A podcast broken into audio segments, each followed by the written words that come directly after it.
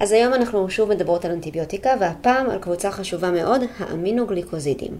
לדוגמה, גנטמיצין, טוברמיצין, סטרפטומיצין, נאומיצין והמיקצין, או בקיצור, תרופות שמסתיימות בצין. ברוכים הבאים ל"מה הקטעים", הפודקאסט על כל מה שרציתם לדעת ברפואת ילדים, ותכלס, התפתחתם לשאול. האמינוגליקוזידים מעכבים בצורה בלתי הפיכה את הסינתזה של החלבון על ידי הריבוזום של התא, וזה בעצם הופך אותם לתרופות שהן בקטריוצידיות. אפשר לעקוב אחרי הפעילות על ידי זה שהם מודדים את הרמה שלהם, וחשוב לזכור שהפעילות של התרופות האלה היא ממושכת. זאת אומרת, גם כשהרמה בדם שלהם יורדת, עדיין הן מעכבות בצורה טובה, וזה בזכות הקישור החזק והבלתי הפיך לחלקיק של החיידק. אז גם כשהרמה נמוכה, אל תדאגו, התרופה עובדת. צריך לזכור שהסיבה שאנחנו לוקחים רמות אמינוגליקוזידים, נגיד רמת גנטמיצין, היא בעיקר בשביל לראות שאנחנו לא מגיעים לטוקסיות, ולכן אנחנו בודקים את האמינוגליקוזידים, בעיקר את הרמה ב-C שלהם. עיקר החיידקים שהטיפול באמינוגליקוזידים מכוון אליהם הם גרם שליליים אירובים, קצת פחות טוב לאנאירובים ולגרם חיוביים. אז למשל, חיידקים שהאמינוגליקוזידים טובים בפעולה נגדם הם פסאודומונס, אצינטובקטר, אנטרובקטר ומיקובקטריה כולל TB. התרופות האלו מגיעות במתן פרנטרלי, כלומר IM או IV, חלק מגיעות גם בצורה טופיקלית, בטיפות לעיניים, במשחות וכדומה. מבחינת תופעות לוואי, כולנו יודעים להגיד שהתרופות האלה קשורות לאוטוטוקסיות ונפרוטוקסיות. נדבר רגע על אוטוטוקסיות, הפגיעה היא פגיעה באוזן הפנימית, היא מביאה לאובדן שמיעה סנסורו-נורלי, ולכן בתינוקות שהיה בהם שימוש ממושך או שימוש חוזר בתרופה, אנחנו נמליץ על מעקב שמיעה.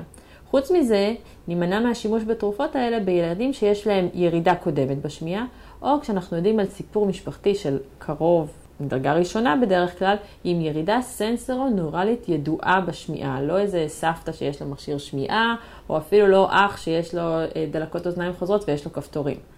וחוץ מזה, אנחנו יודעים שהמינוגליקוזידים יכולים לפגוע בשיווי משקל על ידי פגיעה וסטיבולרית. לגבי הנפרוטוקסיות, התרופה לא תינתן לילדים עם פגיעה קהילתית קודמת או עלייה בקריאטינין. עלייה בקריאטינין במהלך השימוש באמינוגליקוזידים יכולה לקרות ב-20-30% מהילדים, אבל בדרך כלל זה משהו שחולף אחרי שאנחנו מפסיקים את השימוש בתרופה. גנטמיצין אה, נחשבת בעיקר נפרוטוקסית מבין כל האמינוגליקוזידים.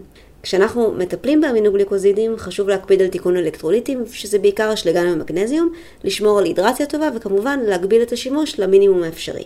צריך לזכור שיש ילדים שיש להם הפרעה בתפקוד כלייתי, ולמרות זאת, אנחנו כן נבחר לתת להם אמינוגליקוזידים. פשוט צריך לזכור שצריך לעשות התאמת מינון לפי התפקוד הכלייתי, וצריך לחשוב על זה ככה טוב טוב לפני שאנחנו מתחילים את הטיפול.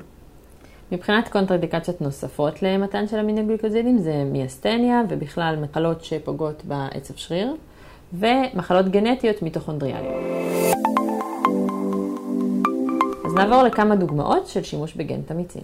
תינוקת בת שבעה חודשים, יש לה מחלת חום גבוה, הקאות, אין לה תסמינים רספירטוריים ובכלל בבדיקה גופנית לא מצאנו איזשהו ממצא מכוון. עושים לה סטיק, שתן שיש בו לויקוציטים, ניטריטים. בגלל הגיל שלה, בגלל החום הגבוה, אנחנו מתרשמים שמדובר בפיאלונפריטיס ככל הנראה. ולכן אנחנו חושבים שהכי כדאי לתת לה טיפול אמפירי פרנטרלי בגנטמיצין.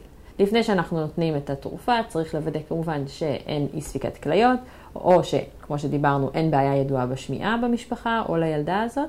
במקרה הזה אנחנו נותנים גנטמיצין, IV או IM, במינון של 5 מיליגרם לקילו, אחת ל-24 שעות, עד שהחום יורד, או עד שתהיה לנו כבר תשובה של תרבית שתן.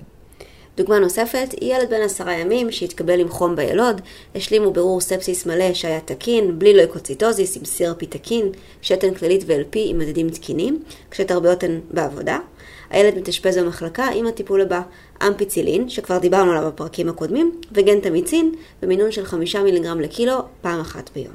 אלו היו דוגמאות לשימוש באמינוגליקוזידים IM או IV, אבל יש אה, דרכים אחרות להשתמש באמינוגליקוזידים שהם לא במתן פרנטרלי. בעצם אה, הם הרבה יותר אה, נפוצים ממה שאנחנו שמות לב. אז לדוגמה, יש טיפות אוזניים שנקראות דזורן, שהן מכילות סטרואידים מקומיים ואנטיביוטיקה, שזה פולימיקסין ונאומיצין, שהוא האמינוגליקוזיד, והתרופה הזאת משמשת לטיפול ב otitis externa, שנגרמת הרבה פעמים בפסאודומונס. צריך לשים לב שבגלל האוטוטוקסיות של נאומיצין, לא משתמשים בתרופה הזאת כשאנחנו יודעים שיש לנו נקב בעור התוף. הטיפול הבא, טיפות עיניים, שכולנו מכירים, שנקראים טוברקס, מכילים טוברמיצין, והטיפות האלה בדרך כלל מומלצות לשימוש מעל גיל שנה. דבר נוסף, כולנו מכירים משחות עור רבות שמכילות גנטמיצין, אז המשחה גנטטרים או אפלומיצין, בטא קורטן G, שימי לב נועה, G זה הגנטמיצין, וטרידרם, הם כולם מכילות גנטה.